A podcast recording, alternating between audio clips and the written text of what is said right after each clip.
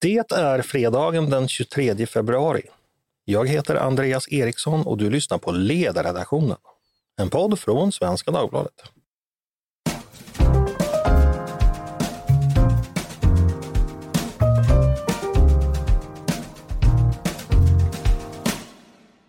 Varmt välkomna till oss och därmed välkomna till en fredagspodd med oss på Svenska Dagbladets ledarredaktion. Podden heter ju Ledarredaktionen och det är precis vad vi erbjuder idag. Varken mer, men heller inte mindre. Ni kommer få höra tankar och åsikter, hugskott och direktskott och slagskott, sinnligheter och förnimmelser av mina kollegor som idag lystrar till de illustra namnen av Peter Wennblad, Mattias Svensson och Paulina Neuding. Varmt välkomna! Tack så mycket. Peter, vår gutniska De dör. Hur är läget med dig? Det är bra. Det känns ju väldigt eh, trevligt och lite ovant att vara på plats i studion. Mm. Så sa du ju inte riktigt innan vi började inspelningen. Då sa du att det kändes för nära. Varför det? Ja, men när man sitter och är med i podden från Gotland så har man ju ett skydds... Man har ett skyddsavstånd mm. mot, mot de mest fräna angreppen. Ja, och också de bortklippta delarna då också. Precis. Du, jag såg en bild på sociala medier på dig igår. Vet du vilken jag tänker på? Jag tror att det kan ha varit jag och min lookalike. Exakt. Du och vår tidigare kollega Ivar Arpi poserade tillsammans sida vid sida och noterade att det finns en, fanns en viss likhet. Mm. Och du har ju en viss aura, kanske lite mer till och med än Ivar, av ledarskribent gone rough. Förstår vad jag menar? Alltså, du vet, ha Substack, ha Tweed, handla med bitcoin. Åt det hållet, liksom. pröva konstiga dieter. Är du på väg åt det hållet? Just de där, nej, det, det skulle jag inte säga. att... Inga bitcoins? Nej, alltså. inga bitcoins, ingen Substack. Jag är ju fast anställd på Svenska Dagbladet. Jag nöjer mig med det. Men jag not, vi noterade också att förutom att vi var lika varandra så är vi båda 193 centimeter långa, båda två. Fantastiskt. Fantastiskt. Eh, var det några andra längdmått ni jämförde? Nej, men vi, vi pratade om att... Och, eh, Paulina slår ut med händerna i starta, starta en tribe tillsammans med... För han hade ju poddat med Carl-Oskar Bolin eh, dagen före som ju också har viss utseendemässig mm. Det är som de tre små grisarna det där. Eh, Paulina, du konstaterade i veckan något som lät som en parafras på Predikaren. Vad som har varit är, vad som kommer att vara och vad som har hänt är vad som kommer att hända. Inte ett nytt sker under solen. Är det så? Har jag sagt det här? Ja, du hittade en gammal Facebook-status och sa att Just ingenting någonsin förändras. Berätta. Nej, jag konstaterade att allting kretsar kring att vi eh, fyra sitter och äter semlor i, januari, i februari och med, med liksom ett stort mått av besatthet. Kanske främst från din sida, du är ju väldigt entusiastisk över semlorna. Ja, och så låtsas du att alla andra är lika entusiastiska. Men är inte det här taskigt eh, och eh, inte berätta vad predikaren är för Mattias? Han har ju gått på kyrkans barntimme så han vet ju. Eh, Mattias, du var lite missbelåten med semlorna i år har jag hört. Berätta. Ja, alltså, jag uppskattar ju förstås att bli bjuden på semla, men, men jag kunde tyvärr inte visa den uppskattningen eh, fullt ut eftersom det var en sån här experimentsemla eh, som, som, då, som då blir sämre. Jag förstår, och då blir man ju lite ledsen mm. eh, när, när liksom jag vill ha mandelmassa, inte mandlar. Mm. Uh, och och en massa mandelmassa. Och det, hela poängen med den är ju att den ska vara söt och här hade de tappat ett saltkar i. Och alla sådana här gourmeter och finsmakare runt omkring sig, ni tyckte ju om det, men eh, för en enkel själ för en enkel själ så, var det, eh, så blev jag lite ledsen. Jag ska bara berätta för lyssnarna att Mattias, eh, nu ska vi inte skratta åt honom, du är ju väldigt traditionell i, när du äter semlor. Du äter ju så kallad hetvägg med varm mjölk och sånt också. Och lite kardemumma. Och lite kardemumma. Mm. Eh, så, så, att du vill verkligen ha dina semlor traditionella och det, det respekterar vi, tycker jag. Absolut. Jag tycker det är fint att Mattias har vissa stockkonservativa drag. ja, ja, ett av få. Det kan också kallas fantasilöshet. Men... Hörrni, vi ska gå på veckan eh, och vilken vecka vi har haft. Ni sydsvenskar och Mälardalsbor som varit på sportlov vet inte vad ni har missat, för det har varit full fart hela tiden. Och jag tänkte vi skulle börja med oppositionsledaren Magdalena Andersson. Vi pratade mycket om henne senast. Vi har pratat ganska mycket om henne på sistone. Eh, men nu är det så att hon har eh, blivit uppmärksammad igen den här veckan. Och då var det en artikel hon hade skrivit i den i SPDs tidning i Tyskland, eh, Vorwärts, eh, heter den och den har då titeln då Ungesamt an der Macht, wie Rechtpopulisten, die Demokratie aushöhlen. Alltså otämjda vid makten, hur högerpopulister gröper, eh, undergräver demokratin är väl korrekta. Urholkar. Urholkar, precis. Eh, har du gått på tyska skolan? Jag undrade när vi skulle komma till det. Innehållet eh, i den här artikeln är välkänt för oss svenskar. Andersson berättar för sina tyska läsare att traditionella högerpartier samarbetar med högerpopulister i Sverige, eh, men att det är de senare som styr. Det är alltså SDs politik som nu drivs av regeringen. Men man har inte tämt SD, utan dessa tvärtom är radikalare och mer populära än någonsin. Och sen räknar hon upp en rad exempel eh, på hur SD, enligt henne, då, attackerat statstjänstemän, journalister och civilsamhälle. Och hon tar också upp Åkessons uttalande från SDs landsdagar i höstas då det talades om att konfiskera och riva moskéer. Eh, så att för en svensk publik är det här inga överraskningar. Eh, vad tänker du Paulina? Vad tror du, hur tror du en tysk publik tänkte när de läste det här? Eh, nej men det är, det är ju väldigt tydligt vad Magdalena Anderssons ärende är. Det är ju, eller hon säger det rakt ut, att Sverige är ett, varnande exempel vilket Sverige förvisso är i många avseenden, men kanske inte just i detta. Hon beskriver Sverige som ett land på randen till ett högerextremt maktövertagande. Um, och jag menar, bara det här i sig är ju vågat eftersom eh, Magdalena Andersson själv fortfarande är djupt eh, inne i affären Jamal El-Haj. Och eh, jag menar, man kan ju säga vad man vill om vilket eh, umgänge den svenska borgerligheten har. Man drar ändå liksom gränsen eh, en bit ifrån jihad. Eh, så att det, bara den grejen är ju väldigt eh, så. Eh, Eh, Mm. Okej, okay, men om vi går på det hon skriver då, eh, konkret. Att eh, Recht, och vanliga högerpartier styr tillsammans i Sverige, det är ju mm. sant. Mm. Är det sant det här med att det är SDs politik när det gäller migration och rättspolitik, tror jag hon främst nämner, som är det som drivs av regeringen? Skulle du säga det? Nej, det är... Grejen är, ja det är klart, det finns ju ett tidavtal, men även Socialdemokraterna har skrivit under på en stor del av detta. Det här är ju det som är nytt. Och som du har sagt tidigare i podden Andreas, vi ser vad ni gör. Alltså Socialdemokraterna lägger sig väldigt nära Tidö när det kommer till migration och när det kommer till rättspolitik. Vad man istället gör är att man skruvar upp det här kulturkrigsmässiga. Vi, vi tycker som ni egentligen, men vi, vi gör det utifrån en mycket finare och godare utgångspunkt. Mm. Magdalena Andersson nämnde ju inte den här artikeln då att Socialdemokraterna berömmer sig för att ha skärpt den ansvarslösa borgerliga migrationspolitiken då och är de som är hårdast mot invandrare. Det, det, av någon anledning så försvann det i översättningen. Mm. Um, jag, jag, vet inte om jag riktigt fick svar på frågan. Ta, ta den vidare till Peter. Har Magdalena Andersson rätt i att det är SDs migration och rättspolitik som drivs nu och inte de borgerliga partiernas? Nej, jag skulle inte säga det. Alltså, det finns en rätt bred samsyn eh, bland de borgerliga partierna i rättspolitiken och migrationspolitiken. Sen är liksom den exakta utformningen av olika delar eh, kan ju liksom vara, vara hämtade från olika partier. Eh, men det är klart, och mycket av det är från Sverigedemokraterna därför att det var de absolut viktigaste frågorna de gick till val på och det var liksom i de frågorna de investerade i Tidöavtalet. Mm. Men, så, men det, det korta svaret skulle jag säga nej. Eller att regeringen bedriver Socialdemokraternas, de borgerligas och Sverigedemokraternas rätts och migrationspolitik. Ja. kan man också säga. Ja. Eh, nästa poäng hon vill göra då, det är det här med otämjd. Att det har funnits en idé inom borgerligheten att bara man sätter sig ner och förhandlar med Sverigedemokraterna på ett slott, kanske man skriver ett avtal. Därefter är de salongsfähiga. Då slutar de att vara eh, extremister, de slutar, de slutar säga dumma saker, deras obehagliga åsikt försvinner. Det har inte uppfyllts. Mattias, för det första, har det funnits en sån förhoppning och har, det, har vi blivit svikna av den?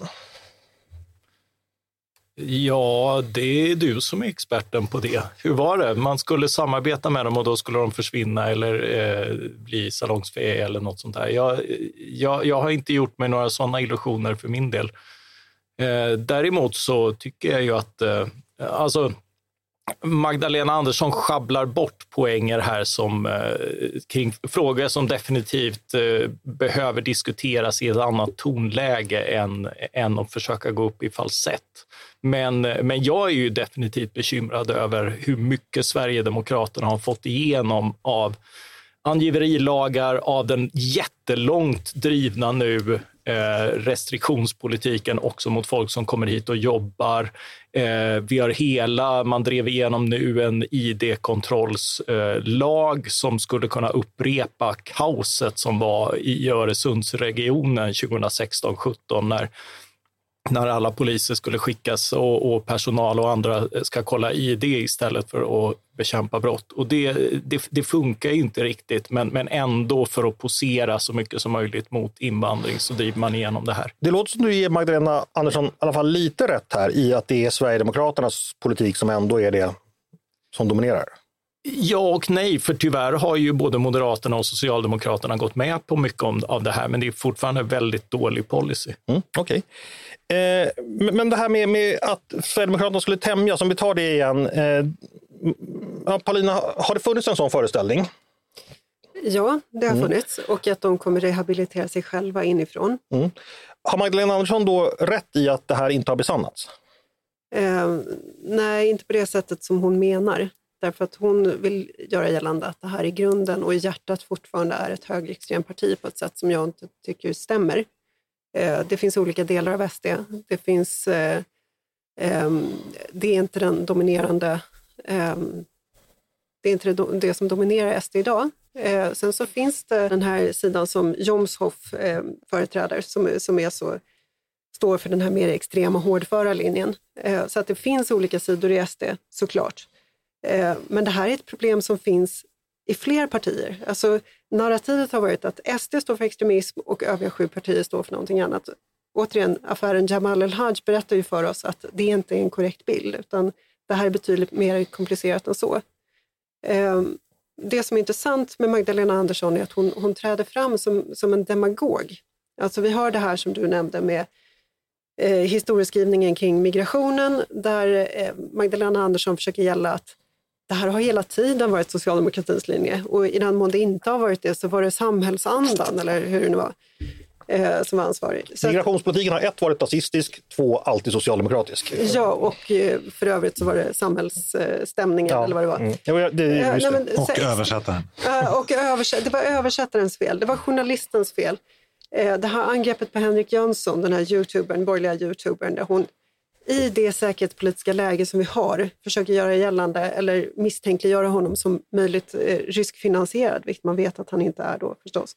Eh, det, är, det är demagogiskt. Mm. Och effekten har vi ju sett. Hon har ju tappat jättemycket stöd. Hon har tappat en tredjedel av sitt stöd sen eh, invasionen av Ukraina, när, när hon liksom hyllades mm. som Sveriges första kvinnliga statsminister och så vidare. För det är nästa bit i den här diskussionen. Om vi då lämnar hennes budskap. Nu har vi då haft eh, att hon satt sin politiska heder i pant mer eller mindre för Jamal El-Haj och försvarade honom och sen drog tillbaka det. Vi har Henrik Jönsson-historien förra veckan och sen har vi nu det här. Mm. Bakgrunden är ju så här att som Paulina säger, Magdalena Anderssons förtroende är på väg ner. Det visar ju offentliga mätningar nu att det började redan i höstas eller förra året.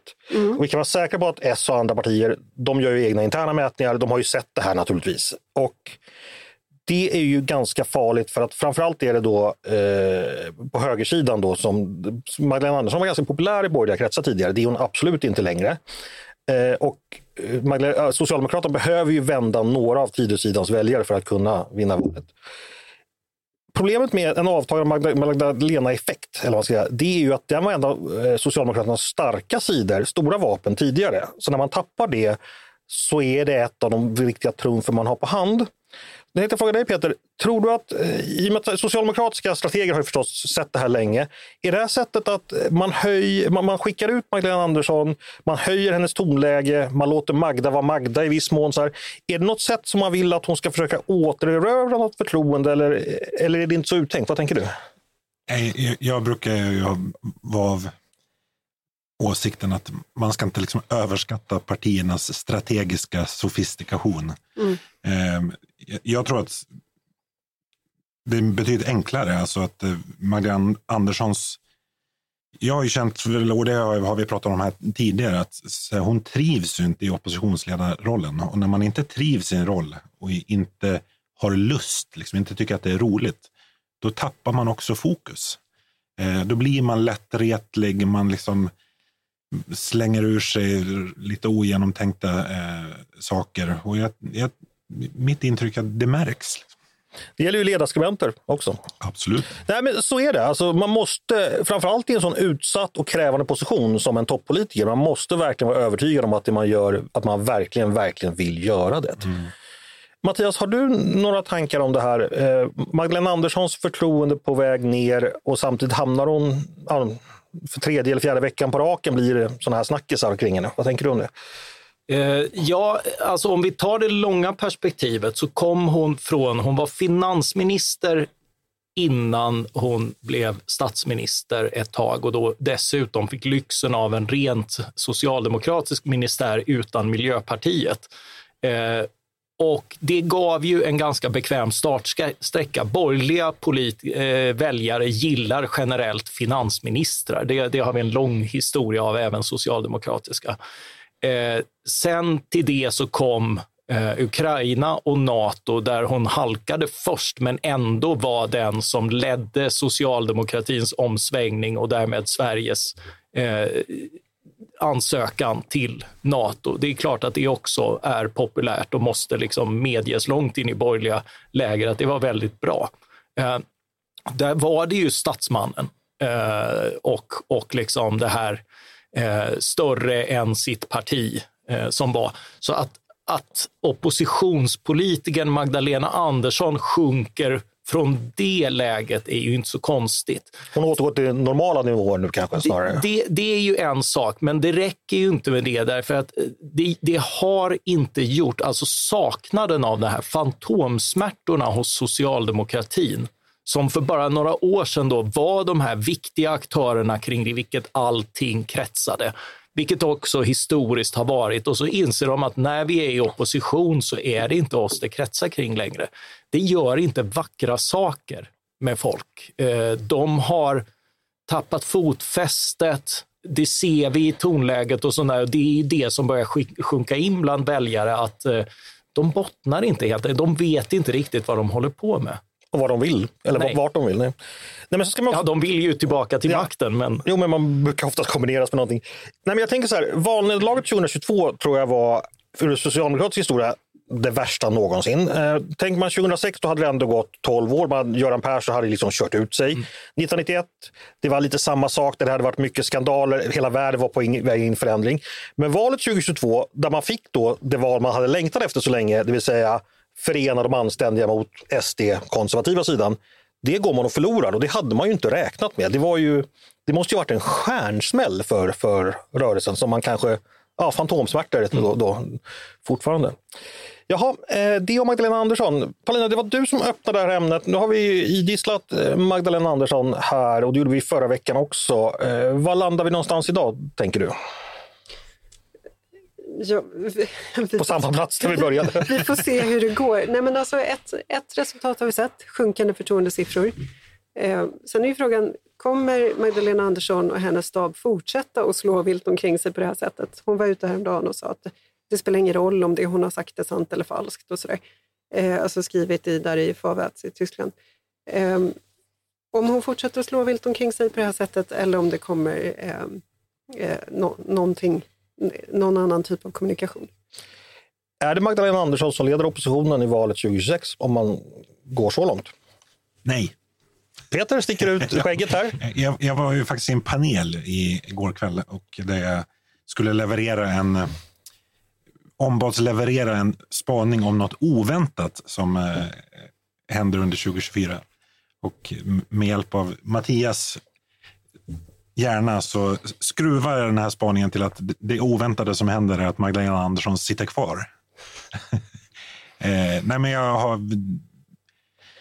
Jag vet egentligen inte vad jag tror, men eh, som sagt, har man inte lust, då eh, tar energin, då, då kör man tomt i tanken ganska fort. Alltså. Mm. Vi, spännande, mm. vi får se. Vi går vidare så länge. Eh, för så här är det. Regeringen har fattat beslut om en lagrådsremiss där det föreslås ändringar i bestämmelserna om hets mot folkgrupp. Genom förslagen förtydligas att det är brottsligt att under vissa förutsättningar förneka exempelvis Förintelsen. Mattias, du har skrivit om detta i veckan. Eh, kan du kort först berätta, eh, vad, vad går förslaget ut på egentligen?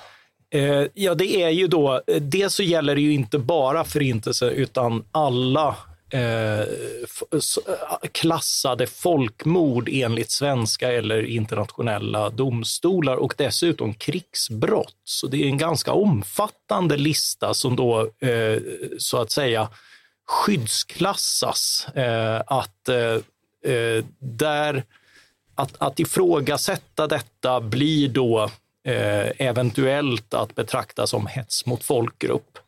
Eh, då ska man ha klart för sig att eh, hetslagen ställer en del, de, de sätter en viss ribba för, eh, för det här. Det måste kombineras med att det är en, en missaktning eller, eller liksom någon form av ganska värre eh, ja, trakasserier och annat som, som ju, eh, som ju liksom ska vara förbjudet. Som, eh, som ska kombineras till. Men det skapar ju en osäkerhet eftersom, inte minst som regeringen dundrar ut det här som att nu ska man förbjuda eh, förintelseförnekelse och, och Gunnar Strömmer förirrar sig in på resonemang om att Eh, om, om, att idéer som är antidemokratiska och liknande ska inte eh, vara tillåtna att artikulera, vilket ju är dåliga nyheter för för alla marxister och liknande, för det är ju antidemokratiska idéer som vi generellt sett eh, ansett ska vara tillåtna att mm. eh, jag ska säga, argumentera för. Jag ska bara säga vad, vad justitieministern sa så här. Att förneka och ursäkta förintelsen göder antisemitism. Det handlar sällan om okunskap utan om medvetna handlingar för att kränka och hetsa och förstärka idéer som strider mot våra grundläggande demokratiska värden. En tydligare kriminalisering är viktig för att markera samhällets avståndstagande. Det är också viktigt att brottsoffer kan få status som målsägande och därmed rätt till skadestånd. Har han fel där? han har ju rätt i sin analys. Det är så här vi känner eh, förintelseförnekandet. Det är ju ofta så här vi upptäcker att folk har en skum agenda eh, när de börjar ha teorier om eh, förintelsen. Alltså det är en jättebra eh, lackmustest på om någon går och resonerar med En kanariefågel? Ja, ja, men precis. Alltså, och, och det här Eh, det här är ju en av anledningarna utöver att det, vi vet liksom att det här att försöka förbjuda åsikter, det är kontraproduktivt. Eh, det är också eh, ja, det, det är fel i sig därför att det är åsikter. Mm. Och, och, att sätta människor i fängelse för vad de tycker och artikulerar för Eh, är, är ju liksom moraliskt tvivelaktigt. Det är också liksom ett hot mot diskussionen. Vad man gör här är att göra yttrandefriheten till ett undantag. Man säger nej, nej, nej.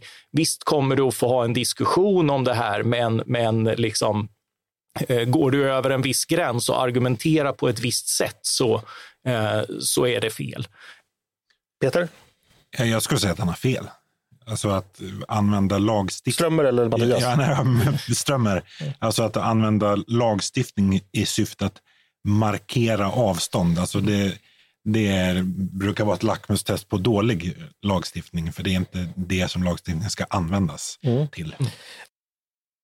Mattias, får jag bara vara djävulens advokat här? Ja. Eh, det är ju inte så, och det här tror jag eh, Strömmer sagt, det är inte så att man i, en forskare helt enkelt kommer fängslas från ett seminarium när man diskuterar olika eh, revolutionära, alltså historia, så det är inte det det handlar om. Det här är ju då tänkt att ta sikte på när man avsiktligt eh, sprider desinformation i syfte att väcka hat, vilket i slutändan då man vill ska åstadkomma eh, hot och hat och lidande hos folk. Det är ju liksom det det tar sikte på så att säga. Eh, ja, men, men eh, det, är ju, det är ju som sagt, du skapar ju ett sluttande plan när det blir det här. Alltså, eh, Man ser planet kan ju slutta åt olika håll. Eh, ja, fast det är dumt överhuvudtaget här att gå in på det här och skapa åsiktsbrott. Eh, fast det har vi redan i med hets mot folkgrupp. Förlåt, jag avbryter, men ändå. Eh. ja, eh, och, och hur har det funkat? Ja, ja, exakt. Ja. Och, och, det är ju problemet med den här lagen. Alltså, det finns ett par saker där som jag också vill se eh, förbjudna. Liksom. En, en uppenbar diskriminering och, och liksom när, man, när man går ut för att i princip trakassera folkgrupper. Eh, man är efter dem snarare än efter någon form av upplysning och liknande. Eh, Däremot, eh, den här formuleringen, det jag tycker man kunde börja med att ta bort den här formuleringen missaktning, för det går ju uppenbart alldeles för långt. Och det är där vi har, liksom när, när vi har fått rättsprocesser, även om man frikändes om, om att någon kallar eh, bönutrop för åsneskrin, då är det hets. Jag måste bara berätta den historien. Det var en stackars man i Nyköping som väcktes ja. en söndag morgon av att det pågick ett bönemöte utanför, så han skrev på Facebook, det är väl fan att eh, det låter som åsneskri här utanför. Ja, har de ont i magen? Ja, varpå då... Eh, en, en arg mobb samlas utanför mannen. Polisen kommer dit. Och de tar mannen. inte hand om mobben, utan mannen. Och det här är ju, eh, alltså, just de här hetslagarna skyddar ju ofta eh, aktörer som tvärtom är våldsamma och hotfulla. Mm. Vi ska höra om Paulina, eh, du har ju gått juristlinjen. Vad tänker du om det här? det, rent, det också. Nej, men det, det, är ju juridisk materia här ändå. Behövs den här preciseringen? Är det så att folk kommer undan idag? Jag tänker att det finns något vakuum ja, här. Eller ja och nej. Alltså, häromdagen så, eh, så eh, vad heter det, demonstranter i London eh, skrev, eller vad heter det, projicerade projicerade är ordet, mm. eh, From the River to the Sea på Big Ben. Mm. Och under flera månader så har demonstranter stått och skanderat From the River to, to the Sea, global intifada och så vidare. Det är ju uppvigling till våld mm. och uppmaningar till folkmord. Det är ett större problem än att någon sitter i ett klassrum och säger att förintelsen inte har ägt rum. Det, det senare är liksom mer av ett symptom. Eh, det andra är faktisk uppvigling och att eh, injaga eh, rädsla i en hel folkgrupp. Eh, så att eh, vi är både för tillåtande och eh, samt som vi håller på med det här som, som jag tycker förfelar sitt syfte. Eh, det, är ett, det är ett större problem med, med den här typen av eh, hets på, på gator och torg, den här typen av slagord. Men eh, så, så, att om man då skanderar from the river to the sea, är, är det hets mot folkgrupp? Är det den typen av det man ska ta sikte på att straffa? Frågan är inte om det är hets mot folkgrupp. Frågan är Eh, ska, eh, ska det vara tillåtet? På, vad ska det innebära i en migrationsprocess till exempel? Att man har stått och skanderat det. Alltså, det, det är på, på den ledden jag tror att det ska skäras. Eh, men däremot det här med att förbjuda ifrågasättande och folkmord, det, det tror jag inte alls eh, finns någon större poäng i. Även om vissa länder har, Tyskland har det ju så, men, men jag ser inte poäng. Precis, Mattias, Tyskland har det, yttrandefriheten har inte gått under där, skulle man ju kunna argumentera. Eh, nej, eh, men de har ju också en väldigt speciell historia. Eh, och, och, vi behöver bara gå till Österrike för att se, då satt alltså, de hade liksom Kurt Waldheim som var liksom gammal nazistbrottsling som vid makten Eh, Eh, de inleder processer mot han, eh, Douglas Irving, som, som ju bara hade skrivit böcker eh, som andra har ifrågasatt på goda grunder. Men, men ändå, liksom, det, det ansågs vara ett brott så allvarligt att man ska låsa in en akademiker. Liksom. Och då, då gör man ju sin egen sak en otjänst, därför att, därför att det det kommunicerar är ju att eh, vi har inga argument så vi måste låsa in folk. Eh, är det så det, det, det, det blir? Alltså? Det, ligger ju inte långt därifrån. Alltså, du behöver inte ens vara konspirationsteoretiker för att tro det. Men, men är du det så har du ju ännu lättare. Eh, är du paranoid så kan det ju också eh, föda på den om du faktiskt blir förföljd. Eh, och, och, det är ju så, de här grupperna är ju inte, det är inte argumenten, det är ju inte sanningsanspråken som är deras starka sida, utan det är ju just offerskapet. Uh, vi, vi är offer, alla är ute efter oss och sådär. Den agendan förstärks ju och, och, det har en massa kontraproduktiva effekter att ta in folk i domstol och, och, och, döma dem för den här typen av ganska tvivelaktiga grejer. För då blir de antingen martyrer eller så får de stå och hålla långa slag. Och, i många fall så kommer man att inte döma dem. Uh, och då kommer det att tolkas som att ja, då var det ju inte eftersom det var lagligt så var det ju rätt. Om vi, om vi, gör, eh, om vi gör domstolar till moralens redskap där vi ska markera avstånd, då, då ger man ju också en okej-stämpel till allting som inte döms. Jaha, eh, det om det. Men det verkar som alla tre eh, tyckte det här var ett ganska dåligt förslag. Förstod jag rätt? Mm. Ja. Det fanns ju faktiskt, eh, det du säger, det låter vansinnigt där med att det som inte är hets är okej, men jag tror det fördes faktiskt sådana resonemang i samband med att Aftonbladet publicerade artiklar, eh, Aftonbladets kultur, som handlade om eh, påstådd organhandel. I, i mm. och då, då, var det då från eh, något försvar, jag minns inte exakt vem det var, men eh, det här är ju inte hets på folkgrupp, alltså kan man publicera det. Liksom. Det knäppt, men, men, men ibland finns, dyker den åsikten upp. Så att säga. Det där dyker alltid upp eh, om man säger om man kritiserar en publicering så är man genast mot yttrandefrihet. Och så där. Det är ju två olika typer ja. av frågor. Ja, det är ju tvärtom så vi bör hantera eh, lögner och falsarier och sådana genom att bemöta dem, genom att diskutera dem, genom att lyfta fram fakta. Det, det måste man ju orka göra. Och, och, jag blir lite, eller jag blir väldigt orolig över ett resonemang i det här förslaget som handlar om det står då i utredningen, jag tänkte det här var ju knäppast jag sett, liksom, att eh, när i, den här lagen ska stiftas för att man eh, lärare i en undervisningssituation som har en elev som, som då ifrågasätter om förintelsen till exempel verkligen har hänt, då ska man inte lyfta fram och lita till all den dokumentation och fakta som faktiskt finns. Man ska hota elever med fängelse. Nej, utan man ska säga att staten har förbjudit det här och det ska övertyga dem. Kidsen kommer bli övertygade omedelbart. Ja. Eh, ja, jag menar alltså med sådana vänner behöver yttrandefriheten inga fiender. Peter, det ser ut som du ja, ja, men så tycker jag också att det är otidsenligt. Alltså jag skulle säga att det, den största faran när det gäller liksom desinformation och historieförfalskning det, det är kanske inte ens nu liksom individer eller organisationer. Det är liksom trollkonton, AI, alltså helt andra. Du kan ju, du kan ju vad säga, förneka förintelsen alla via ombud hur, hur enkelt som helst. Så att, mm. Jag vet inte riktigt vad man kommer åt med det. Ja, och så skapar de kodspråk. Och, ja. Ja, slag i luften är ordet du söker. Det, det, finns en fördel och det är att man kanske känner att så här, eh, det, det här är ju framförallt ett problem bland migrantgrupper och man känner att ja, men Sverige kanske inte är rätt land för mig. Jag, jag, kommer bara bli trakasserad av polisen om jag håller på här, så jag kanske ska vara någon annanstans. Det, det skulle liksom vara en fördel. Mattias, du sa Douglas Irving förut, du menar David Irving? Ja, mm. förstås. Ja, han förnekade. Ja, ja, ja, jag förnekar. Du ser hur mycket bättre det blir när man korrigerar varandra.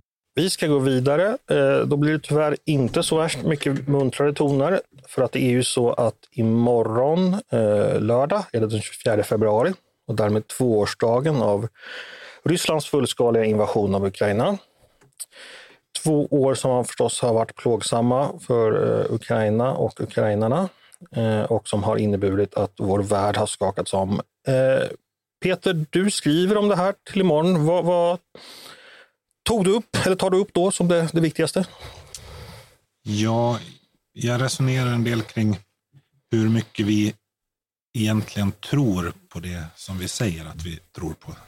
Det vill säga att Ukraina måste vinna det här kriget och att alltså, vi, vi stödjer Ukraina så, så länge det behövs. Men frågan är om vi också stödjer Ukraina med det som behövs. Eh, om vi är liksom förberedda för alla eh, scenarier. Alltså, vi står i ett läge där den ukrainska armén är ja, den är ju liksom svårt skadeskjuten.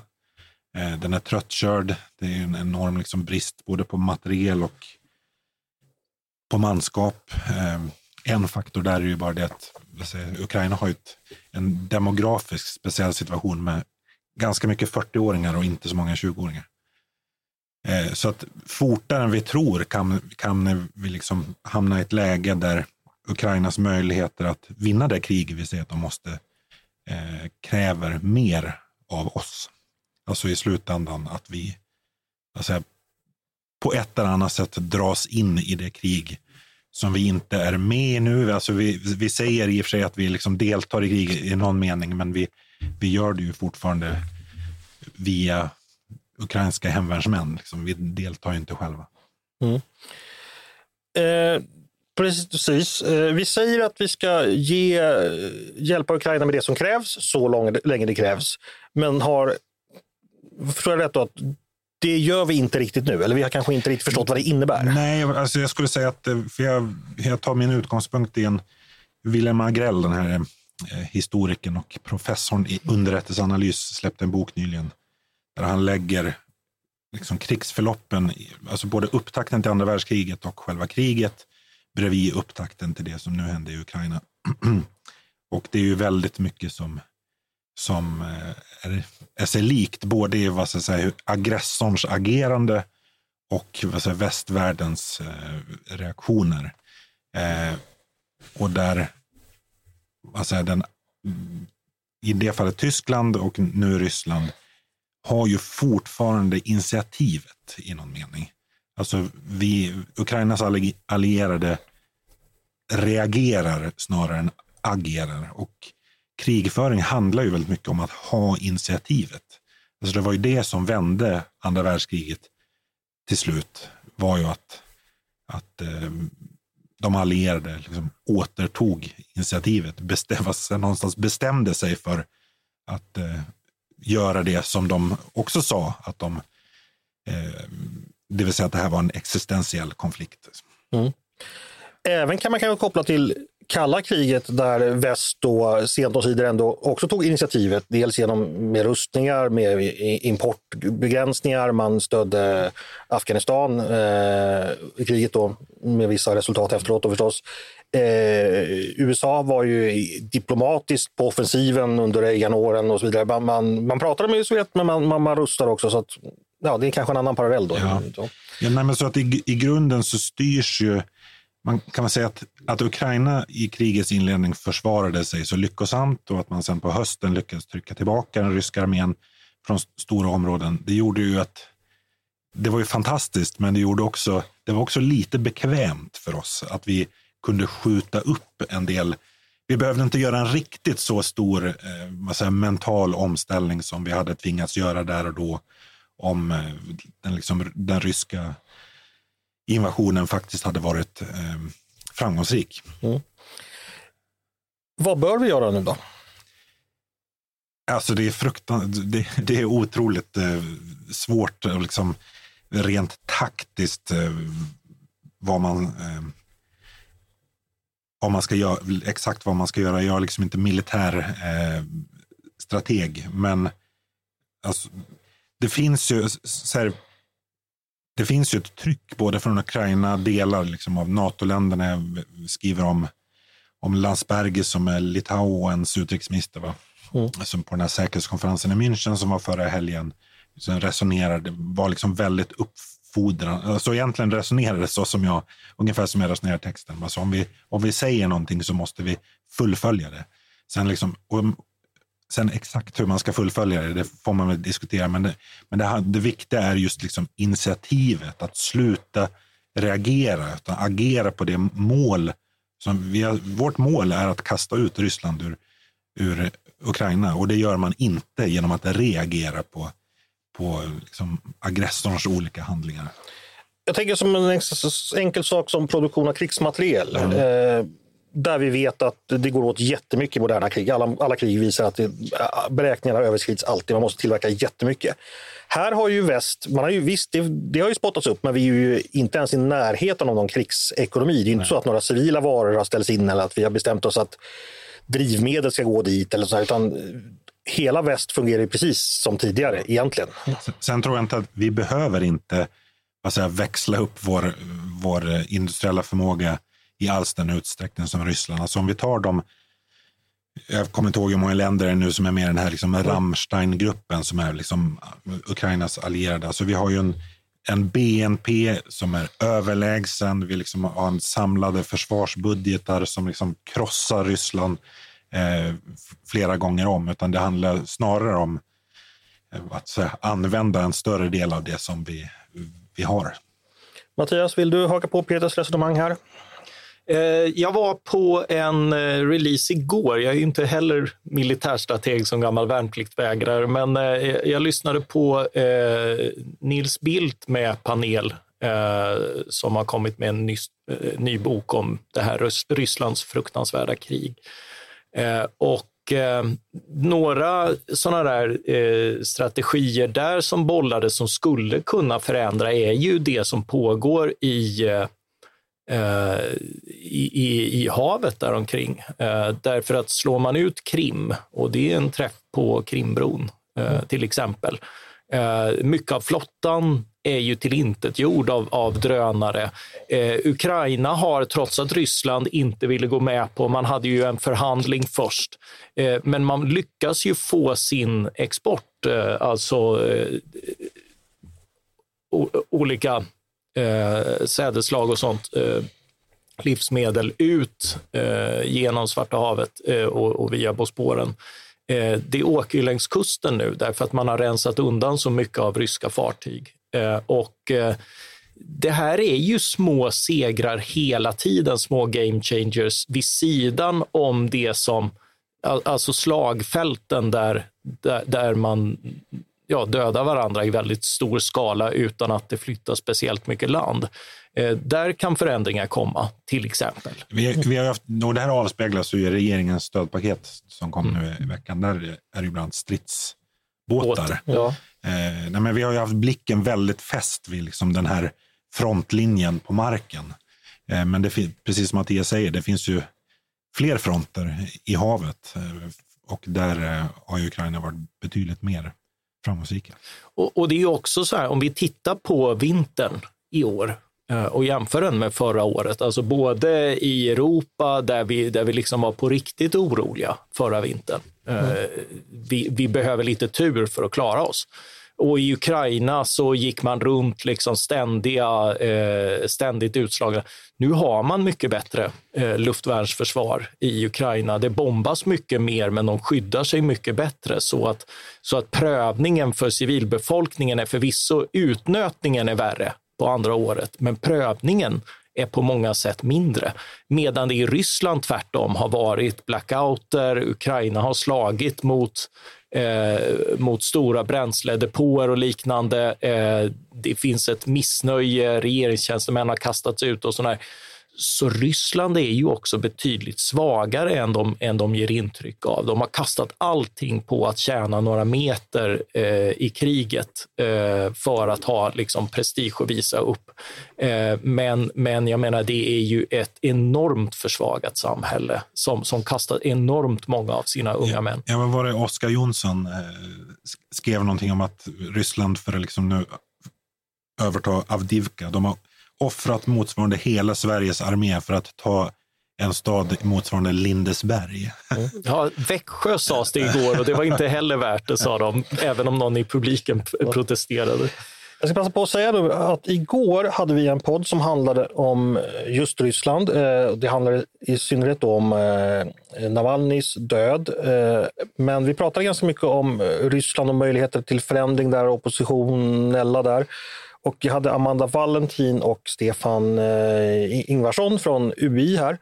Jag tycker ni ska lyssna på den, för den var, eh, bortsett, ja, den var i vanlig ordning väldigt initierad och kunniga eh, gäster. Men det var också så att det fanns ändå en del hopp där, för att eh, det är ju så att Navalnys eh, änka Julia Navalnaja blir det väl, eh, har ju då tagit upp hans mantel och driver det här motståndet vidare.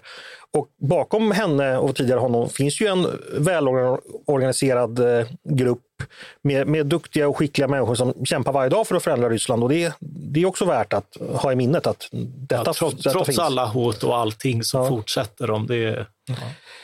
det är, så är det. Eh, men två års krig har det varit och det Ja, det är en mardröm som har pågått under den här tiden. Jag vet inte vad det finns så mycket mer att säga just nu. Vi ska fortsätta bevaka det i podden förstås. Eh, Nils borde vi bjuda in igen och prata Absolut. Eh, om, om boken. Willem Agrell skulle vara rolig att ha här också. Mm.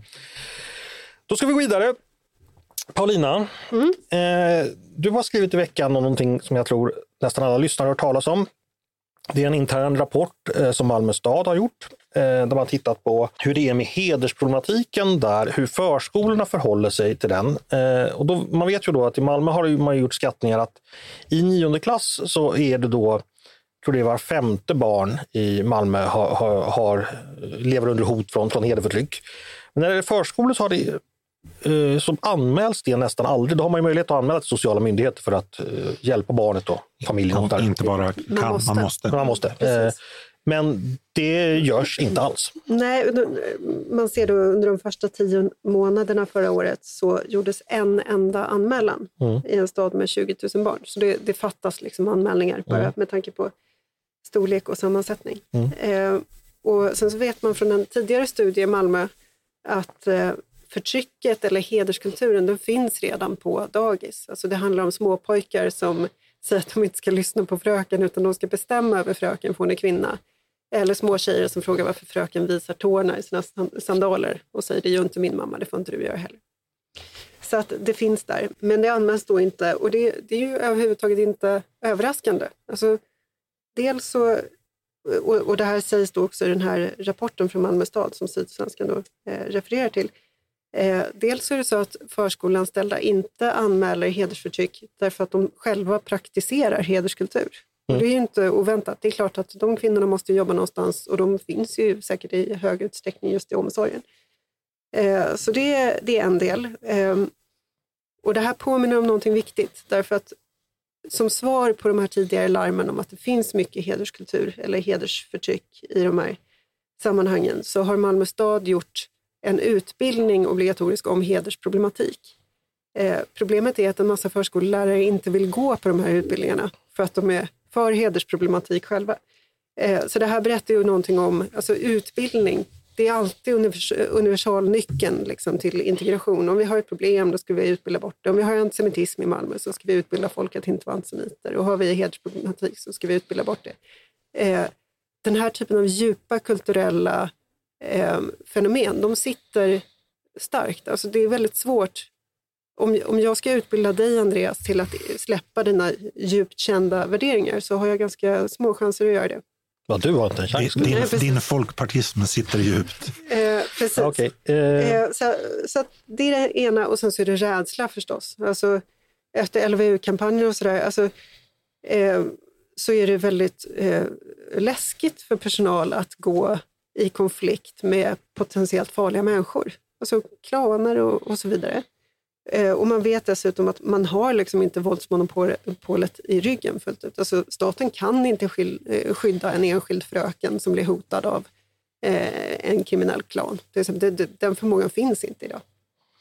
Jag tror att eh, i rapporten så tog man upp det här som du sa, man, man delade upp det där sista skälet. Dels i att man var personligen rädd, men sen också att man då inte ville stärka de känslor man visste fanns där efter LVU-kampanjen. Så att den har liksom fått effekt på det sättet att den har gjort att folk håller tillbaks lite. Jag skulle säga att vi har varit liksom naiva i två dimensioner. Dels en total övertro på det här med utbildningar. Um, och dels så sätter vi liksom helt fel yrkeskategori i frontlinjen, både mot gängvåld och hedersproblematik och så vidare.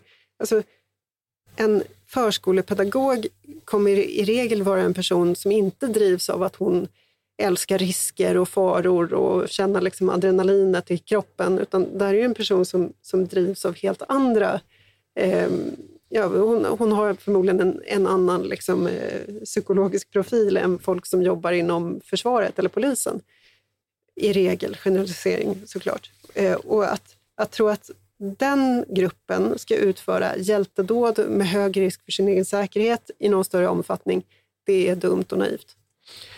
Så vad gör vi för att få eh, Malmös förskolor att eh, börja bekämpa hedersproblematik? Ja, eh, precis. Det här, det här är ju det som, och det skriver jag i min text också, det är det här som är mångkultur i praktiken. Alltså, har du, bygger du upp en mångkultur, speciellt med, med den här typen av tyngdpunkt på det här sättet mot klankulturer, då får du den här situationen. Man får inte vara naiv kring det. Det som är jätteviktigt nu, det är att vi inte tillåter att det uppstår ett enda Malmö till. Och det är en fråga om migrationspolitik. Men för fråga, nu, nu låter det på dig som det är närmast eh, mekaniskt, det följer med, du säger mångkultur så följer det med sådana saker. Det finns väl inte Malmö, finns det, finns det exempel på det här i, i Norge och Danmark eller Storbritannien eller Tyskland där man också har hög invandring? Finns det inte en stor ingrediens av svensk naivitet, eh, missriktad antirasism, politisk korrekthet, feghet och så vidare? Alltså så här, tänk om den svenska rättsstaten, våldsmonopolet, inte vore så fruktansvärt överbelastat. Tänk om ett bombdåd vore någonting helt exceptionellt i Sverige. Ja, men då kanske vi skulle kunna skydda den här dagispedagogen, förskolepedagogen, på ett helt annat sätt. Eh, så att, jag menar, det är klart att det finns saker att göra på nivå rättsstat och, och, och allt det där. Eh, men ja, det finns en mekanik i det här, absolut. Det, det är mekaniskt så att eh, har du en stor invandring från den här typen av kulturer, då kommer eh, det som gör eh, hemländerna dysfunktionella, det kommer ut, börja utspela sig i det nya hemlandet. Det, det finns det ju forskning på också. Eh, Collier heter en forskare som har skrivit en bok som heter Exodus, där han eh, går in på det till exempel. Jag menar, det här ser vi överallt i Europa. Det, det finns alltid en myt om att någonstans, men i Frankrike har de ett sånt bra medborgarskapsbegrepp så de har inte det här problemet. Och sen så kommer man på att nej, men det är Storbritannien som... Och sen så kommer man på att nej, det kanske inte finns något jättebra exempel, därför att de här problemen uppstår alltid. Men är det så att i Danmark så, så anmäler man inte heller till sociala myndigheter? I... Det, det, det, här specifika, det vet jag inte hur det funkar i Danmark. Nej, Nej men för jag tänkte... Men, men att problemen liksom återskapas i det nya landet. Eh, att det är ingenting man lämnar eh, i samma ögonblick som man migrerar. Det, det är nej, nej, det var inte det jag menade. Utan jag menade bara att det, det kan landa olika beroende på hur man agerar. Att, jag menar att Sverige är ju ganska unika i hur vi förhåller oss till integration. Ja, och, jag menar, och inte bara det. Alltså, vi har en unikt mjuk skola till exempel. Mm. Vi, vi har ju allt det där emot oss.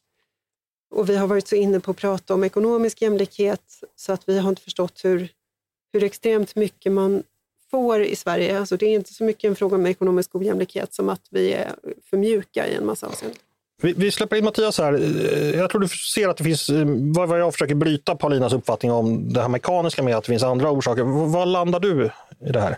Det är ju empiriska frågor eh, samtidigt som det är akuta frågor när, när barn far illa.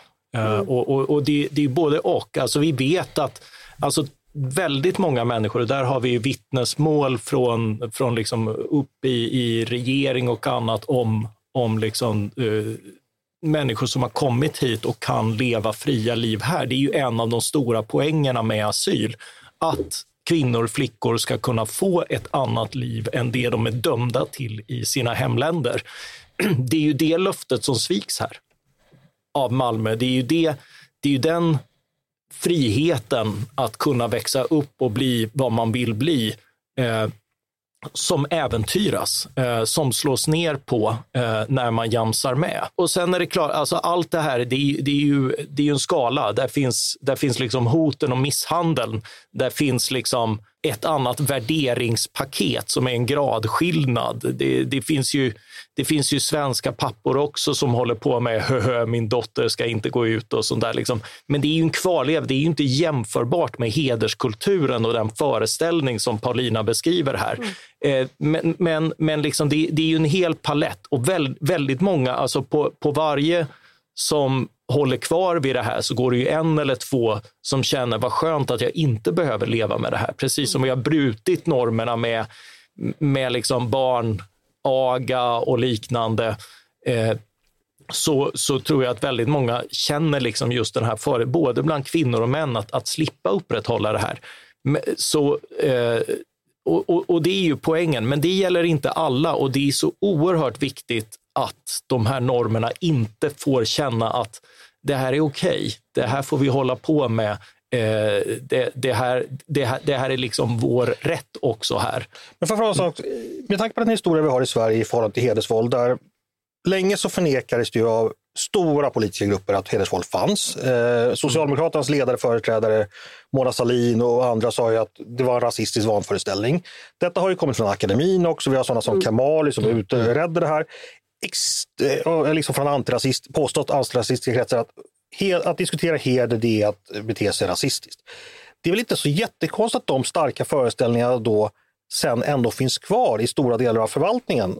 Mm. Eller? Mm. Ja, ja, nej, nej, jag, jag tror definitivt att det, att, att det är en aspekt. Men, mm. men jag menar, det, det Paulina tar upp här är ju, är, är ju direkta hot, rädsla, kampanjer och annat Eh, och, eh, och, och, jag tror att den, med förlov sagt, att den känslan, rädslan är mer akut än att Masoud Kamali var ute och, och ramblade för tio år sedan. Mm, jag, tror jag, jag tror att de där spåren är otroligt viktiga. Alltså jag tror att mm. Eh, organisationer, administrationer bär med sig sin historia. Och jag tror människor också bär med sig att gör jag det här så är jag ute på lite farligt vatten. Att är det här i själva verket så för att jag beter mig rasistiskt, ser de här människorna som annorlunda. Det, det, det, finns, det finns förstås, i rädslan för att ingripa finns förstås också det. Blir jag inte uppbackad handlar inte bara om att polisen inte kommer utan Utan liksom, får jag ingripa här? Gör jag rätt? Har jag chefen? Har chefen min rygg? Har, har andra? Ja. Mm. Du ville säga? Alltså, jag tror att det har blivit mycket, mycket bättre också inom förvaltningen. Jag vet att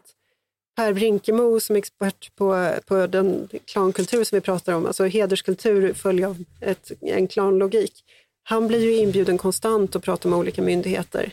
Um, han, han, blev ju väldigt hätskt angripen för tio år sedan. Nu är det någonting som ingår i, i grundutbildningen på många ställen. Um, och, och, vi har det här centret eh, mot hederskultur inom polisen, jag tror att det är Östergötland. Alltså det, det där har man jobbat med jättesystematiskt. Så, så den förnekelsen som Så fanns, den kulturen gick att förändra? Den kulturen gick att förändra, den interna myndighetskulturen, det mm. tror jag. Peter, du sitter åt moltiger. Ja, nej, men jag var, var inne på något liknande som, eh, eller inte riktigt liknande som Paulina sa. Så jag, kulturen är ju seg i en förvaltning också. Jag tror också att det har hänt jättemycket, men det är ju fortfarande så att ja, men jag fick återberättat för mig om om liksom någon förvaltning i, utanför Göteborg som hade en liksom utbildningsdag. Eh, och, och här sitter då människor på den här förvaltningen som liksom i sitt dagliga värv jobbar med den här problematiken. Men eftersom det då finns inskrivet i något strategidokument, sånt att man ska jobba med intersektionella perspektiv och vad det nu är, så liksom tvingas de sitta och uthärda liksom utbildningsdagar som är med ett budskap som är på en helt annan planet. Liksom. Mm. Och det, de är ju proffs, så de vet ju så här, det här har ingen bäring på, på min verklighet. Fast det har ju ändå en normgivande funktion. Liksom att det är ändå vad ska jag säga, det här som är, vi har skrivit in att det är det ideala sättet att, att jobba, även om det inte funkar. Liksom. För jag tänker om man är då som jag i medelåldern eh, och det säga, man, man valde karriär då för ett kvartssekel sedan då, och så väljer man då kanske att, inom socialtjänsten på, någon gång på 90-talet pratar vi om då. Då kanske man såg framför sig att man skulle jobba liksom mer eller mindre med Alakovskis Svinalängorna, alltså mm. Eh, familjer där föräldrarna super och liksom den problematiken. Och så blev det Fajsa Idles ett ord för blod istället.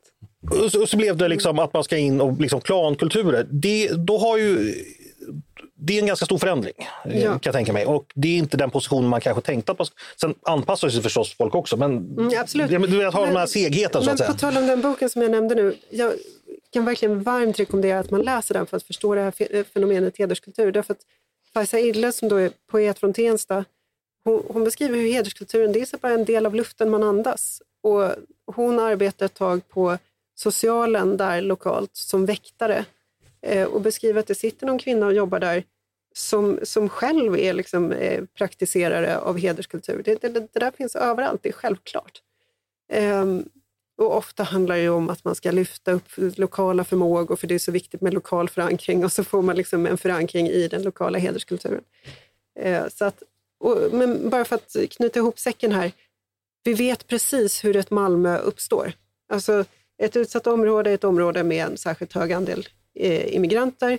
Eh, Malmö, det, det, det, är det som förklarar varför Malmö ser ut som det gör. Man skriver till och med där i Sydsvenskan, eller om det är i rapporten, att områden som är mindre präglade av migration har ju inte alls det här problemet förstås. Så vi vet hur ett Malmö uppstår. Vi har ingen aning hur man reverserar Malmö när det väl har uppstått. Så att den politiska uppgiften nu, det är ju att förhindra att Täby blir Malmö. För Täby har alla förutsättningar att bli Malmö. Och, och, och liksom Vellinge ska inte heller bli Malmö. Eh, eller Östersund. Eller något annat ställe. Så att, ja, men det, det, är det, här, det är den här skyldigheten vi har den här processen får inte upprepas igen, inte ett Malmö till. Då får det bli slutord för den diskussionen och för våra vanliga ämnen idag, för nu blir det eh, dags att gå vidare. Och vi ska faktiskt in på mitt favoritmoment. Det som heter Svar direkt, då vi stresstestar våra ledarskribenters politiska reflexer och förmåga att blixtsnabbt skilja gott från ont, Östersund från Malmö och sant från falskt. Det går helt enkelt till så att jag likt, ska vi byta referenser, likt Jon ställer fram portion lasagne framför Gustav. och lasagne är ett antal nyligen presenterade förslag eller stora frågor. Och Gustav är mina kollegor. Nej, det blev konstigt. Eh, katten Gustav, mm. kanske den mest välförtjänt bortglömda seriefiguren någonsin. Garfield. Ja, ni som är födda efter Reagans andra mandatperiod, ni fattar ingenting av det jag säger nu och tro mig, det, det behöver ni heller inte göra. Eh, Men svar direkt i alla fall vi ska göra. Jag får något, gå, återgå till sportreferenserna. Eh, vad det är så att vad jag vill höra från er är ett ja eller nej eller ett för eller emot. Och snabbare än mörkret ska det gå, för nu handlar det om att ge svar direkt. Är ni redo? Ja. Eh, regeringen har gett en utredare i uppdrag att utreda möjligheten att införa en skyldighet för myndigheter att redovisa inbetalda socialavgifter. Det handlar om att synliggöra informationen eh, på de anställdas lönespesar. Och Karin Johansson från eh, Svenskt Näringsliv ska utreda. Vad tycker Svenska Dagbladet ledarredaktion om det här? Bör det vara krav på att sociala avgifter ska synas på våra lönespecifikationer? Ja eller nej? Eller svar direkt. Ja. Ja.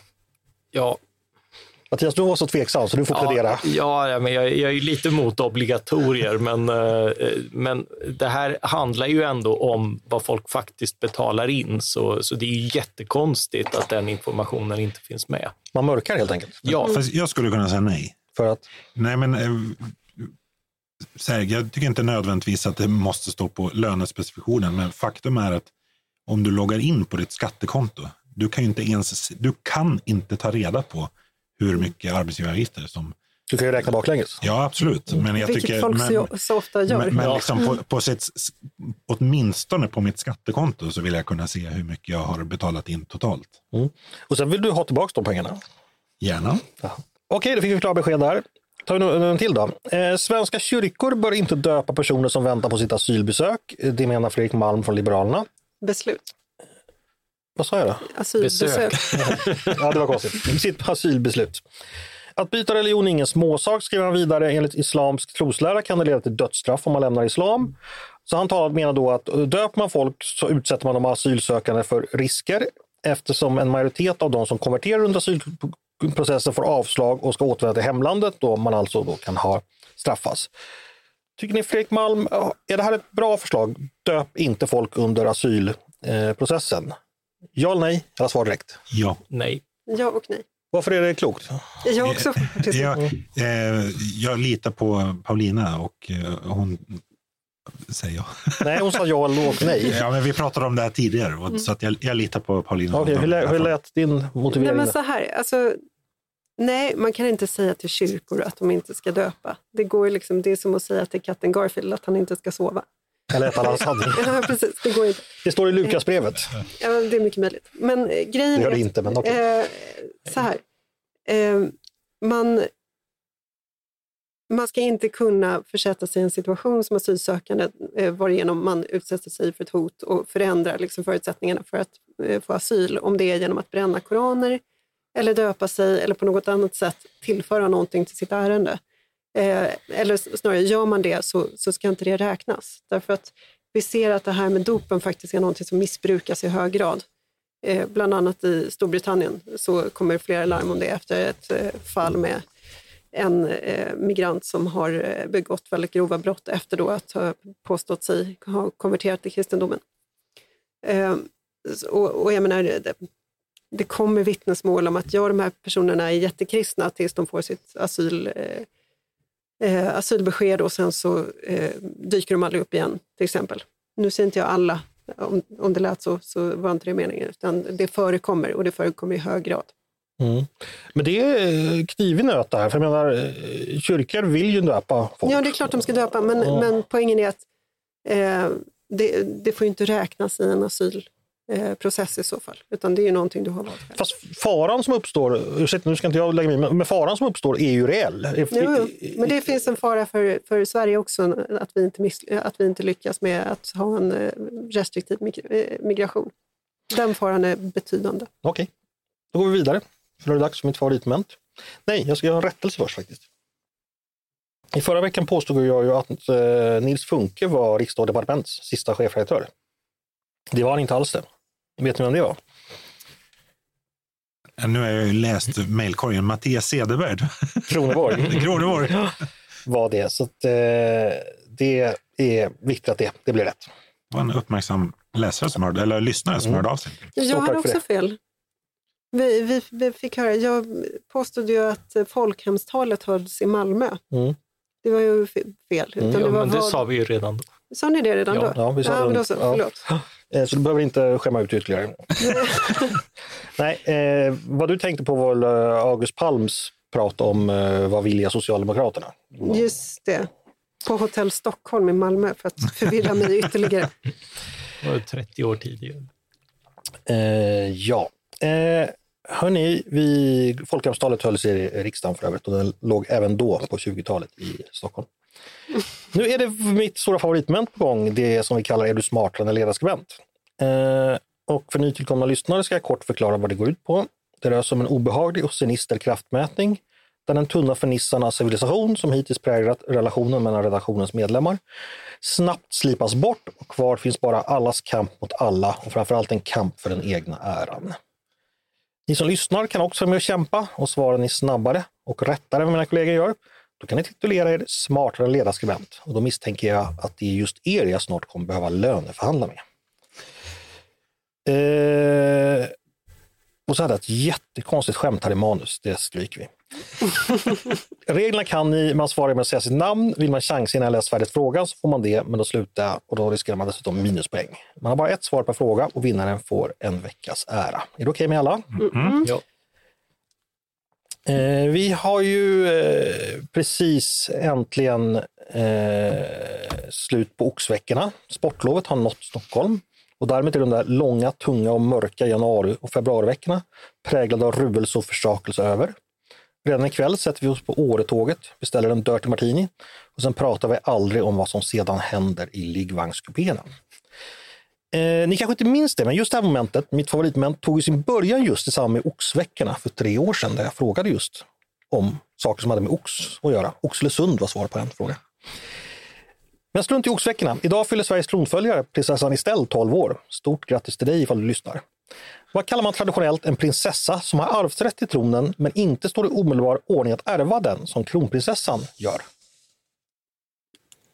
Oj. Mattias, Mattias? prinsessan. Nej, det är ett ord till. Åh, oh, här var en ledtråd. Vad intressant. Ja. Jag tror att jag har hört det här, men jag kommer inte ihåg det. Som tjej tror man ju att man vet Nej. allt om prinsessor. Titeln är då arvprinsessa. Mm. Man säger, arvfursten kanske man har Ja. hört talas om också.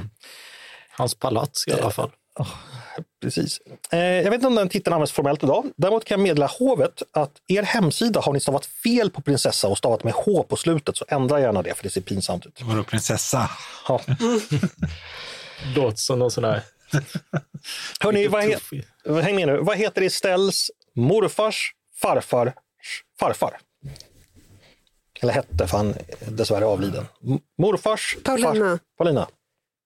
Morfars, eh, farfars, Farfar. eh, det är Gustav V, farfar, det är Karl XV. Han hade väl inga, han hade många barn, men eh, han hade inga. Peter. Peter? Oskar. Det hette han, Oscar II. Karl V hade många barn, men ingen, ingen arvtagare. Det var därför brorsan blev eh, kung. Förlåt. Precis, så var det. Eh, men vad hette Oscar IIs farfar då? Ehm, Kör på Karl XV igen. Karl XIV, Paulina, Johan. Ja, det är rätt. Hörrni, det är den 23 februari idag och då är det så att Kjell Bergqvist fyller 71 år. Så jag tänkte vi skulle ha några frågor om Kjell Bergqvist. Är ni sugna på det? Absolut. Då söker jag en film från 1992 eh, av Ulf Malmros då bland annat Lina Perned gjorde filmdebut. Vad heter den? Paulina, Rapport till himlen. Nej, det var Nej. fel. Peter. Peter, Ha ett underbart liv. så heter det Ja, ja. just det, det var så det var. Eh, en till fråga. Nu har vi då en film från eh, 2012 då han spelar en småländsk antihjälte. Vilken film är det? Paulina, Paulina, vilken? Åsa-Nisse. Helt rätt! Eh, en sista fråga av Kjell Bergqvist. På Guldbaggegalan 2011 så höll han ett eh, tacktal. Eh, vem tackade han då? Peter. Peder? Eh, jag har för mig att han sa för ett jävligt bra jobb. Han tackar sig själv. Det gjorde han verkligen. Snyggt där Peter. Vi har pratat Ukraina också. Jag tror inte vi har haft Ukraina som ämne i frågesporten. Vad hette den ukrainska kosackledare som var allierad med Karl XII i kriget mot Peter den store? Ja, vad hette han? Min repertoar kosackledare är begränsad. Han hette... ehm, Kan du en så är det den här man kan. Mattias, Mattias? hette han Ruslan? Nej, det var inte. Paulina ser ut att kunna verka fram det. Det är som en förlossning. Men det är som så här... Uh, heter han? Nej, eh, han hette Ivan Mazepa. Ja, Bozuma. ni, ni hör ju. Hörrni, Kievrikets historia är i alla fall delvis välkänd i Sverige eftersom en svensk var inblandad i landets tillkomst. I vilken text kan man läsa om Rurik och hans ättlingars gärningar? Det här är med i Sveriges historia för mig, alltså den serien på SVT. och vad hjälper det? Vad hjälper det? Den är då döpt efter författaren eh, som var en munk. Som skrev om då hur, hur man då åkte över haven till varjagernas rike då, till Sverige och bad att kan inte ni komma och härska över oss. Det är antagligen en förskönande omskrivning för att de kommer härska ändå. Havamal. Havamal är det inte. Det är den högstes tal och det är, en, det är väl en del av Snorres Edda tror jag. Alltså. Det här med eh, Klipp det Jesper så att jag inte framstår som obildad. gå över ingens tröskel in för du spejat och spanat, spanat och spejat. Hur ovisst är att veta var ovänner sitter bland salens bänkar. Precis eller när jag fä- ska säga något så säger du det. Eh, fä dör, fränder dör, jag vet ett som icke dör. Dom över död man. Där ser du. Snyggt. Eh, Vilken duett. Ja. Hörni, Ukraina igen. 2012 så ordnade man... Vad, vad var svaret då? Ja, just det. Nestorskrönikan förstås. Förstås. Var det Assar Lindbäck? Ukraina igen. 2012 ordnade man EM i fotboll tillsammans med Polen. Vem vann? Peter. Paulina. Peter var först. Ja, Frankrike.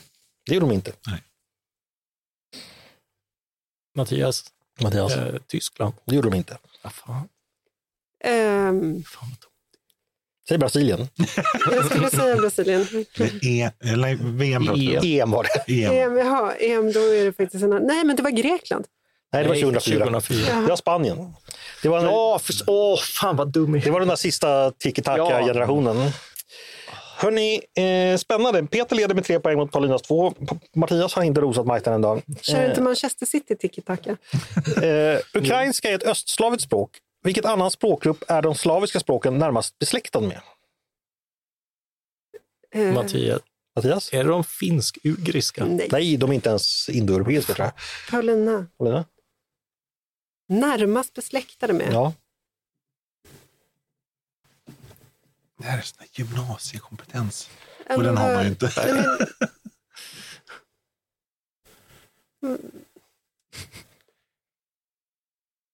Nej, men- Mm. Nej, vadå, är det inte... Pe- Peter, jag säger hindi. Nej. Mattias, eller Paulina vill du svara på? Du kan gå upp och tvinga fram en utslagsfråga här. Nej, men jag vill inte säga fel för det är så pinsamt. Men... Säg havamal. Bazuma. Regina, du måste vara mer sugen på att göra rätt än rädd för att ha fel. Nej, men, okej, ja, men då säger jag de germanska språken. Mm. Och det är baserat på att det är jätte, ändå mycket närmare än allting annat runt omkring. Fast du glömde då de eh, baltiska språken Ja, som är Mm. närbesläktade, Så- eller mer närbesläktade då med, med det.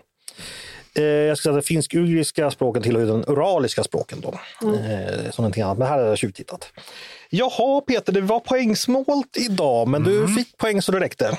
Utslagsfrågan ska jag inte använda för det var frågan några flera gånger, sen kan jag avslöja. Det var hur många gånger Butja slog världsrekord. Vet ni det? Kan det ha varit 12? 17.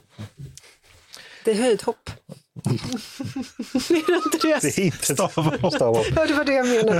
Eh, Det är också ett högt hopp. Jag tyckte du sa Butcha och jag bara, fan det Bubka. här, ja, Bubka har till, till och med jag koll på. Det här var slappt. 13 gånger för Sovjet, eh, fyra gånger för Ukraina.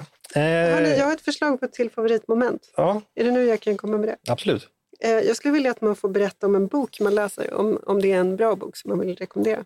Ja, men det var jättebra. Vill du ta det direkt? Eller? Jag, jag, jag har läst den här fantastiska André Waldens eh, Jävla karar. Just det, det har du berättat om. Den är otroligt, otroligt eh, bra. Varför ska ledarredaktionens lyssnare läsa den? Kan du För att det är kort? en stilistisk fröjd. Mm. Och eh, en del eh, trots eh, en massa mörker. Nu, nu fick jag en affärsidé här. Och det är att sälja de här boktipsen. Alltså att vi bara tipsar om böcker som vi får betalt för. Mm. Det kommer göra under för vår redaktionella trovärdighet. Här, här är en kommunikatör, det hör man. Jag har precis faktiskt läst eh, den här novellsamlingen The King in Yellow, ifall ni känner igen den. Eh, Vi har ju haft Carcosa uppe några gånger och det är ju där det dyker upp för första gången. Eh, klassiska skräckhistorier. Nu har jag glömt författarens namn, men de, den var bra. Mattias, vad läser du just nu? En deprimerande trilogi om Tredje riket. jag har bejakat, gett efter för min inre gubbe, så jag köpte Eh, dels eh, den här då och sen så köpte jag på bokrean om statsministermordet. Så det... Snart kommer väl du köpa de där allt om historia särtrycken med Hitlers kockar eller något sånt där som alla andra ja, ja, nej, nej, nej, men alltså jag är helt ointresserad av krig och så, men jag tänkte att politiken kan jag ändå läsa. En sak jag tänkte på faktiskt när vi pratade om Ukraina tidigare, eh, jämförelse med andra världskriget. Jag kommer ihåg när jag läste som barn Shires, den här klassiska eh, Tredje riket-boken det var ju hur ofta Hitler under kriget talade om fred. Han ville ju sluta fred hela tiden. Mm. Eh, precis som man idag talar om att man borde ha fred med Ryssland. Och så här, liksom att, eh, men det gjorde man ju då förstås inte för att man visste att den freden inte skulle vara, vara bra helt enkelt. Men mm. för sin samtid måste det ändå varit, liksom, man förstår ju kanske lite ändå att sådana som Charles Lindbergh så här liksom ändå trodde, eller man förstår det inte men, men ni förstår att mm. det var så det såg ut liksom, på den tiden. För att jämföra med dagens situation. Då.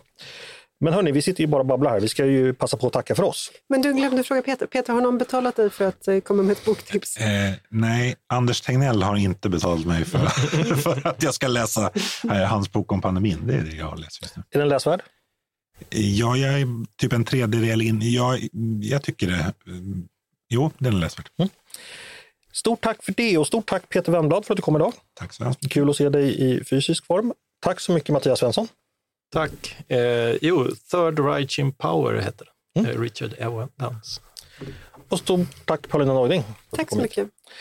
Och tack till er som har lyssnat också på dagens avsnitt av Ledarredaktionen. En podd från Svenska Dagbladet. Ni är som vanligt varmt välkomna att höra av er till redaktionen med tankar och synpunkter på det vi precis har diskuterat. Eller om ni har idéer och förslag på vad vi ska ta upp i framtiden. Då bara mejla till ledarsidan snabla svd.se. Dagens producent, han heter Jesper Sandström själv heter jag Andreas Eriksson och jag hoppas att vi hörs snart igen.